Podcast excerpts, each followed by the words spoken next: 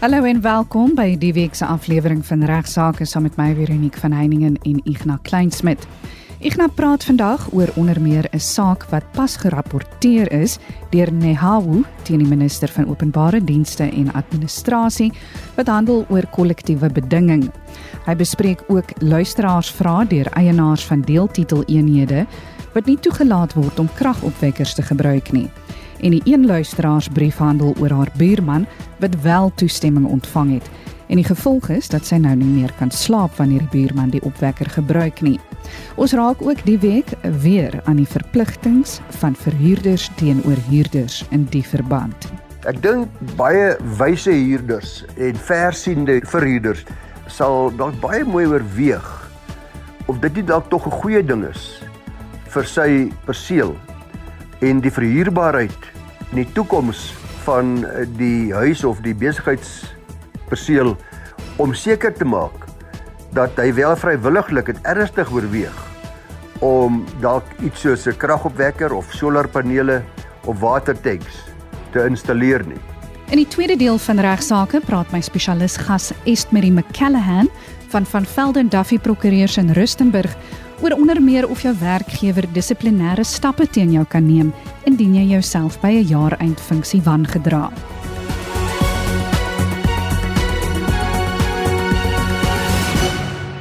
Ons begin nou intussen die program met Ignas wat 'n saak bespreek wat pas gerapporteer is deur die vakbond Nehawu teen die minister van Openbare Dienste en Administrasie en handel oor kollektiewe bedinging.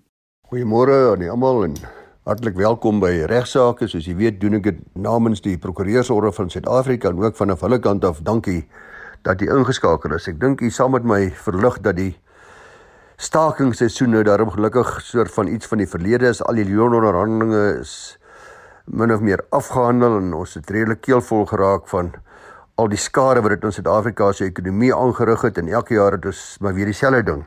Maar daar was onlangs 'n interessante saak wat ek met u wil deel. Dis 'n saak wat so pas gerapporteer is naamlik die saak van Nahawu is National Education of Health and Allied Workers Union teen die minister van openbare dienste en administrasie. Die aangeleentheid behels kollektiewe bedinging oftewel onderhandeling want die applikante Nahawu soos jy weet is vakbonde sowel as hulle lede wat almal in die openbare sektor werk. Nou soos jy ook sou agterkom uit die media uit skryf mens gereeld deesdae dat die partye probeer om 'n ooreenkoms aan te gaan wanneer loononderhandelinge afgesluit word wat minstens vir 'n paar jaar geld sodat mense nie elke jaar hoef terug te kom nie. En gedurende 2018 het die regering kollektiewe ooreenkomste met vakbonde wat deel gevorm het van die regeringsdiens se koördinerende onderhandelingsraad gesluit. En hierdie ooreenkomste het drie klousules bevat wat die loonverhogings van dan die staatssektor se werknemers gereguleer het vir onder andere 2018-19, 2019-20 en 2020-21 en in terme van hierdie ooreenkomste het die werknemers se lone vir die eerste twee periodes toegeneem en gedurende die derde termyn het die regering as deel van die ooreenkomste poging aangewend om op 'n hersiende bedrag ooreen te kom aangesien die verhogings onbekostigbaar sou wees vir die regering vakbonde natuurlik geweier om toe te stem tot hierdie hersiening van hierdie ooreenkoms. Gevolglik was die verhogings soos ooreengekom nie geïmplementeer vir die laaste termyn nie en die dispuut was na die onderhandelingskommissie verwys. Hulle kon dit nie opklaar nie en toe het die Nahawu die aangeleentheid na arbitrasie verwys, maar nog voor die arbitrasie gefinaliseer kon word, is toe 'n aansoek gebring na die arbeidshof toe vir 'n bevel om die regering te dwing om hierdie 3 jaar ooreenkoms na te kom en dus die verhogings te betaal. Die regering het op hulle beurt 'n teenaansoek gebring vir 'n verklarende bevel wat sê dat die regsgeldigheid sowel as die dwingbaarheid van hierdie ooreenkoms bevraagteken moet word dat dit dus nie geldig was die 3 jaar ooreenkoms nie. Hulle argument was dat die ooreenkoms onafdwingbaar was en aggeneem met die feit dat die ooreenkoms eintlik neerkom op 'n oortreding van sekere openbare diensregulasies saamgelees met dele van die grondwet. Meer spesifiek het dit bekend geword dat die ooreenkoms aan 'n uh, eh, sekere vereistes nie voldoen het nie, soos vervat in regulasies 78 en 79 van die openbare diens regulasies. Die applikante het geargumenteer dat nee, wat julle kan nie nou op hierdie manier probeer uitkom met allerlei tegniese verweer nie, want die nasionale tesourie, sowel as die minister van finansies, moet gebonde wees aan die ooreenkomste want Hulle het die konsep ooreenkoms na die kabinet toegeneem. Dit is daar bevestig, dit is daar goedgekeur en die argument was dat die minister van finansies is die politieke hoof vir die nasionale tesourie. Hy is ook 'n lid van die kabinet wat hierdie besluit goedgekeur en dit geneem het. Dit kan dus afgelei word dat die ooreenkomste ook die tesourie se goedkeuring wegdra. Daar was verder geargumenteer dat aangesien die kabinet hulle goedkeuring gegee het, dan moes hulle self ander maniere oorweeg het om die addisionele gelde te bekom vir die uitvoering van 'n ooreenkoms wat hulle self aangegaan het 3 jaar gelede. Die arbeidshof het bevind luisteraars dat die kabinet die ooreenkoms goedgekeur het, maar dat hulle dit ongeldiglik goedgekeur het, so hulle gee die staat gelyk.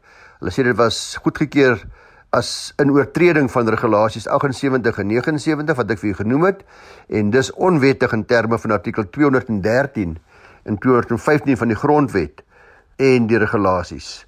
So hierdie aansoek van Hawo is van die hand gewys en uh jy moet maar vir jouself die vraag afvra of die regering eties opgetree het hier. Wil nie dalk eties gebonde moes voel aan die ooreenkoms wat hulle wel gesluit het en goedgekeur het op kabinetsvlak nie. Dis 'n ander vraag. Veral waar dit 'n 3 jaar ooreenkoms was en hulle op 'n suiwer tegniese punt aanspreeklikheid vermy het, maar wel die arbeidshof het dan ook in hulle guns bevind. Ek gaan bespreek nou luisteraars navrae deur eienaars van deeltitel eenhede wat nie toegelaat word om kragopwekkers te gebruik nie. En die een luisteraarsbrief handel oor haar buurman wat wel toestemming ontvang het en die gevolg is nou dat sy nie meer kan slaap wanneer die buurman die opwekker gebruik nie. Luisteraars, ek dink ons is almal ewe keelvol vir beerkrag, maar ek het die afgelope paar maande drie verskillende navrae ontvang van eienaars van deeltitel eenhede wat kla omdat hulle nie deur die bestuur van die deeltitel skema waar hulle woon toegelaat word om kragopwekkers te installeer natuurlik in 'n poging nou om beerkrag te oorbrug of te oorkom nie of te vnuit nie. Net verlede week het ek 'n briefie gekry van Santjie daar van Hermanus.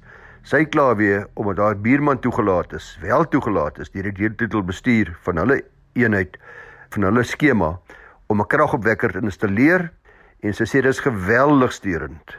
Vandat dit geïnstalleer is, kan sy intree in die slaap nie, want dit is omtrent 10 meter vanaf haar slaapkamer venster af wat hierdie eh, kragopwekker 'n geweldige lawaai maak. Nou ek het 'n nuusbrief ontvang van Doepwes ingelyf as 'n prokureursfirma in Rustenburg baie dankie daarvoor. 'n uh, eh, Baie oulike nuusbrief wat presies met hierdie aspek deel en met al die probleme wat beerdkrag vir baie veroorsaak en veral ook vir deeltitel eienaars. En dan vra hulle die vraag of daar 'n opsie van 'n kragopwekker is om dinge aan die gang te hou en kan jy dit in jou eenheid installeer of het jy toestemming nodig om dit te doen? Nou elke eienaar van 'n eenheid in 'n deeltitel skema word natuurlik 'n lid van die regspersoon sodra mense eienaar van daai eenheid word en ook van 'n omverdeelde aandeel in die gemeenskaplike eiendom. Nou in hierdie gemeenskap bly die regspersoon die eienaar van die gemeenskaplike eiendom wanneer enigiets in die skema gedoen word, dan moet hierdie regspersoon, die bestuur, die eh, deeltitel bestuur eers die belange van die lede van die gemeenskap in ag neem. Nou om so 'n deeltitel skema te bestuur, luisteraars moet die gemeenskap reëls in plek hê. En dis natuurlik belangrik om die optrede van die eienaars, huurders, besoekers en almal in daai skema te beheer. En daai regspersone dan 'n plig om te sorg dat hierdie reëls nagekom word ook met betrekking tot die gemeenskaplike eiendom en om die bestuur se gedragsreëls van die skema af te dwing.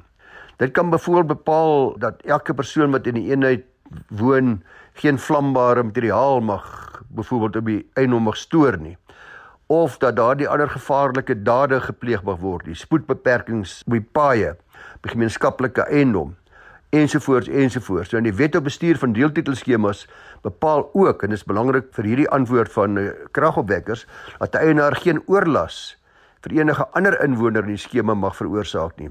So met 'n agneming van die geraas wat 'n kragopwekker kan skep, sowel as die feit dat dit petrol en diesel verbruik en skadelike dampe genereer, sal die gebruik van 'n kragopwekker baie mooi ondersoek moet word, baie mooi oorweeg moet word.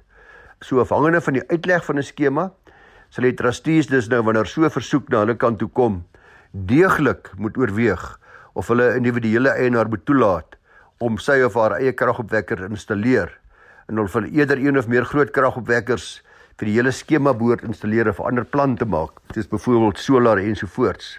Nou sou die trustees besluit om wel elke individu toe te laat om 'n eie kragopwekker te installeer, moet daar baie duidelike reëls natuurlik gemaak word wat aanvaar moet word. Dit sal byvoorbeeld behels die tipe kragopwekker, die die ligging waar hy is, waar hy geplaas moet word, wie verantwoordelik sal wees vir die instandhouding, die stoor van die brandstof waar dit gestoor moet word, die kostes vir die aankoop vir die installasie, of dit vir die individuele eienaar se eie rekening sal wees ensovoorts ensovoorts.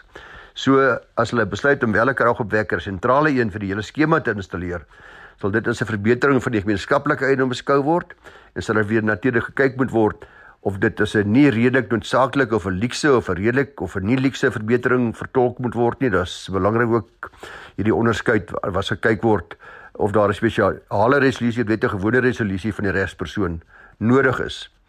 'n uh, Alternatiewe benadering natuurlik tot 'n sentrale kragopwekker kan ook wees om 'n installering te beskou van 'n kragopwekker as om onder die bevoegdhede te val wat aan die regspersoon verskaf word in terme van die wet op bestuur van deeltitelskemas. Die wet bepaal ook dat die regspersoon die bevoegdheid het om roerende eiendom vir die gebruik van die eienaars te koop. Nou die instandhouding van hierdie kragopwekker sal onder die regspersoon val insluitend om die aanleg, die masjinerie, die toebehore ensovoorts in goeie werkende toestand te hou. Nou wat dit betref, is dit baie duidelik dus dat die installering van 'n kragopwekker het sy deur 'n individu in 'n in die skema of vir die komplekse sentrale eenheid nie net 'n gaan voort en doen besluit is nie. Kom ons doen dit maar net vinnig. Nee, nee, nee, nee.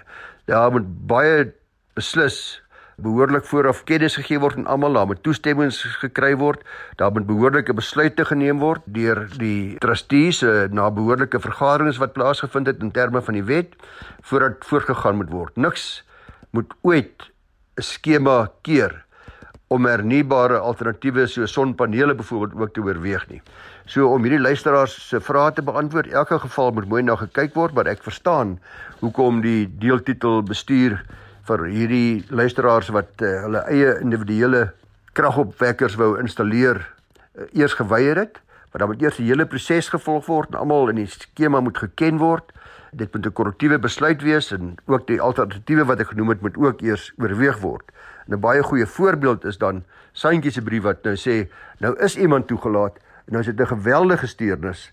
In haar geval moet sy gaan vasstel of die prosedure reg gevolg is hoekom is sy nie geken in die saak nie en ek dink sy het 'n goeie kans om dalk beswaar te gaan maak en seker te maak dat hierdie saak weer voor 'n vergadering algemene vergadering geplaas word sodat alle eienaars gesamentlik kan deelneem om opdrag te gee aan wat in elke skema behoort te gebeur met betrekking tot kragopwekkers. Nou ja, in een van ons vorige regsaake programme het ons geraak aan die onderwerp wat handel oor kragopwekkers en die verpligtinge wat verhuurders teenoor hulle huurders het in die verband.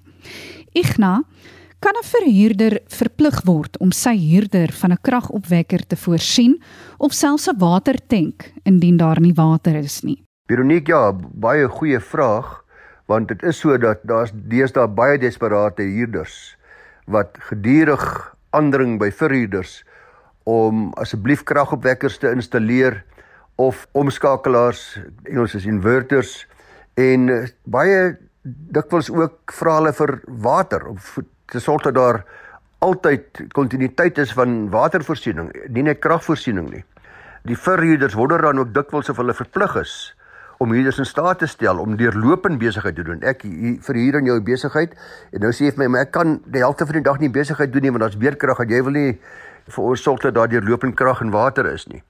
Nou, ek dink die eerste ding wat huurders moet verstaan, luisteraars, is dat beerkrag en waterbeperkings en alles wat daarmee saamgaan, is natuurlik nie die verhuurder, die eienaar van die gebou se fout nie. Met ander woorde, huurders kan nie 'n eienaar verplig of hulle verantwoordelik hou vir die feit dat daar soms beerkrag is en soms waterbeperkings is nie. Dis nie die skuld van die verhuurder nie en daarom is daar ook op die verhuurder geen verpligting nie, maar ek moet dadelik by sê, daar mag geen resverpligting wees nie, maar ek dink baie wyse huurders en versiende huur verhuurders, jammer, sal dalk baie mooi oorweeg of dit nie dalk tog 'n goeie ding is vir sy perseel en die verhuurbaarheid in die toekoms van die huis of die besigheidsperseel om seker te maak dat hy wel vrywilliglik dit ernstig oorweeg om dalk iets soos 'n kragopwekker of solarpanele of watertanks te installeer nie. Dit verseker dan dat daar 'n goeie aanvraag sal wees na sy perseel, ek is seker daarvan. Sy kans dat so 'n perseel wat uh, daar geen beerkrag moontlikhede is nie, 100% okupasie sal hê is baie goed en dikwels natuurlik sal so 'n verhuurder ook eers onderhandel met sy huurders en ook kyk of hulle nie kan ooreenstem om pro-rata by te dra tot so 'n kragwekker of uh, sonpanele of watertanks of wat ook al dit mag wees nie. Dis belangrik om te verstaan dat in die meeste gevalle sal so kragopwekker afhangende van die wyse waarop dit geïnstalleer is en ook solarpanele en soms ook watertanks as 'n vaste aanhegting beskou word en dis die eienaar van die die eiendom van die eienaar word of van die verhuurder word. En daarom is dit belangrik om er vooraf met die huurders ooreen te kom as u dan besluit dat u wil dit self doen dat want dit gaan nie eiendom wees as verhuurder dan is dit 'n goeie voorstel om met die huurders te gesels en sê hoorie kom ons kom ooreen om 'n addendum tot die huurooreenkoms aan te gaan dat julle sal my help om die koste te dra oor die volgende paar jaar en dat ons die huurgeld ietwat verhoog per maand of julle bydra wat julle moet maak julle heffings of wat ek nog al dit is afhangende van die inhoud van die huurkontrak aan te pas. Ek het al dikwels gesien dat dit baie suksesvol toegepas word tot voordeel van die verhuurder en die huurders. Natuurlik as die verhuurder glad nie belangstel nie, mag hy dalk wel toestemming gee dat die huurder self die kragopwekker installeer en dan moet die huurder net seker maak dat daar 'n duidelike ooreenkoms is tot die effek dat daardie kragwekker dan sy eiendom word by die beëindiging van die huurooreenkoms. En selfs geld ook vir 'n watertank of solarpanele of wat ook al. Daarmee luisteraars uh, Groete vanaf my kant 'n lekker dag vir julle. Ek hoop julle luister almal weer volgende maandag om 12:30. Baie dankie aan jou Igna vir jou bydrae tot die week se program. My spesialis gas Estmarie McCallahan van van Velden Duffy Prokureurs in Rustenburg sluit nou by my aan om te praat oor kwessies wat verband hou met verlof en ook of daar dissiplinêre stappe teen jou geneem kan word indien jy jouself by 'n jaareindfunksie wangedra. Baie welkom by Regsake Estmarie. Die feesseisoen is kort op ons hakke en daarmee ook gepaardgaande uitgawes. Die meeste mense maak staat op 'n bonus of terwyl 'n 13de cheque. Is my werkgewer verplig om vir my 'n bonus in Desember te betaal? Goeiemôre Veronique en luisteraars. Dis vir my baie lekker om ver oggend weer met julle te gesels oor die reg. 'n Bonus in Desember is 'n baie lekker bederf om te kry, veral as jy bietjie daarmee wil gaan vakansie hou of Kersgeskenke koop of selfs skoolklere koop vir die nuwe jaar. Dit is belangrik om te weet dat die betaling van bonusse nie voorgeskryf word deur die arbeidswetgewing nie. Met ander woorde, dit is nie verpligtend nie. Jy moet dus na jou dienskontrak gaan kyk om te bepaal of jy geregtig is op 'n bonus of nie. Baie dienskontrakte sal of geen klousule bevat met betrekking tot bonusse nie of die klousule sal bepaal dat die betaling van bonusse in die diskresie van die bestuur is. Met ander woorde, jou werkgewer kan dus besluit of hulle bonusse gaan betaal of nie en jy sal nie daarop kan aandring om 'n bonus te kry tensy daar 'n waarborg in jou dienskontrak is dat jy definitief daardie bonus sal kry nie. Dankie Estmarie. Nou hoe gemaak indien my werkgewer hulle kantore tussen Kersfees en Nuwejaar wil sluit, maar hierdie dae word van my jaarlikse verlof afgetrek? Is so iets toelaatbaar? 'n Werkgewer mag stipuleer dat jou jaarlikse verlof gedurende die Desember breek gevat moet word wanneer die kantoor gesluit is. Indien jy ongelukkig teen Desember nie meer verlof daaroor het nie, dan gaan jy ongelukkig onbetaalde verlof gedurende daardie periode moet vat. Dit is weer eens belangrik dat jy gaan kyk na die bepalinge van jou dienskontrak want dit kan miskien iets anders stipuleer. Dit kan byvoorbeeld stipuleer dat helfte van daardie Desember breek van jou verlof sal afkom of party werkgewers sal byvoorbeeld die kantoor sluit en dit glad nie by jou verlof daar aftrek nie. Jy is baie gelukkig as jy by so 'n werkgewer werk. So die algemene reël is dat jou werkgewer mag stipuleer dat daardie Desember breek by die kantoor gesluit is word afgetrek by jou verlof, maar gaan kyk ook tog na jou dienskontrak om te bepaal of daar 'n ander reëling met jou werkgewer rondom die Desember breek is. Nou bestaan die moontlikheid dat in steede daarvan dat my Desember blaaskans afgetrek word, kan ek aanbied om eerder te gaan werk al is die kantoor toe. Dit sal 100% afhang van jou dienskontrak en jou werkgewer se beleid. Indien die beleid of jou dienskontrak nie vir jou die reg gee om te werk tydens 'n Desember breek nie, dan gaan jy nie jou werkgewer kan verplig om jou toe te laat om te werk in ruil vir verlof nie. So mens moet jou laat lei aan die hand van wat in jou dienskontrak of in jou werkgewer se beleid staan. Maar die kort en die lank is dit sal absoluut in jou werkgewer se diskresie wees of hy jou wil tegemoetkom om jou te laat werk wanneer die kantoor eintlik gesluit is. Mens moet in gedagte hou dat dit nie prakties gaan wees vir jou om aan te bied om te werk as jy byvoorbeeld in die bou-industrie is en jou verskaffers is toe, jy kan nêrens materiaal kry om te kan bou nie, dan maak dit tog nie sin vir jou om aan te bied om te werk nie want jy gaan fisies nie enige werk kan verrig nie. So die kort en die lank is mens moet jou laat lei deur wat in jou dienskontrak en in jou werkgewer se beleid staan, maar jy gaan definitief nie jou werkgewer kan dwing om jou aanbod te aanvaar om eerder te werk as wat jy verlof vat nie. En net ten slotte Eastmarie, Kan my werkgewer dissiplinêre stappe teen my neem indien ek myself wangedra by 'n jaareindfunksie? Dit is 'n baie belangrike vraag want baie maatskappye gaan nou moontlik jaareindfunksies hou. Dit kan tydens of na werksure gehou word.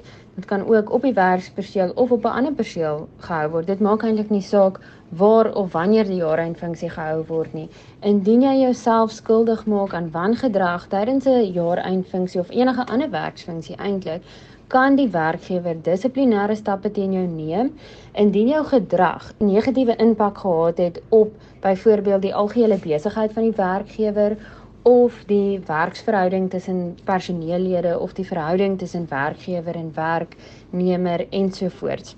'n Praktiese voorbeeld hiervan is as jy byvoorbeeld 'n jaareinfunksie in 'n restaurant hou waar daar ook mense van die publiek gaan wees En na 'n paar drankies is een werknemer kwaad vir die bestuurder en hy konfronteer hom omdat hy nie 'n Desember bonus gekry het nie. En as jy oë uitvee, dan slaan een persoon die ander persoon met 'n vuis en môreoggend is alles op die voorblad van die koerant.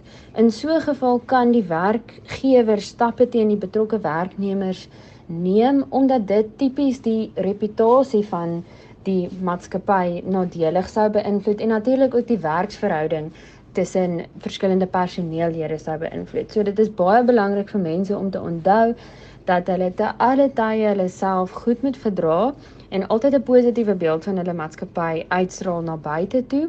Selfs al is dit by jaareindfunksies of enige ander funksie tydens of na werksure, dit maak nie saak nie. Jou werkgewer sal dissiplinêre stappe teen jou kan neem hiervoor. Dis ongelukkig nou tyd om af te sluit. Ek bedank graag weer vir Ignas vir sy weeklikse bydrae tot regsaake en vir Estmarie McCallahan ook van van Velden Duffy Prokureurs vir jou deelname in die week se program. Vir enige navrae stuur gerus vir my 'n e e-pos na vero@rsg.co.za. Van my Veronique van Heiningen groete tot volgende week.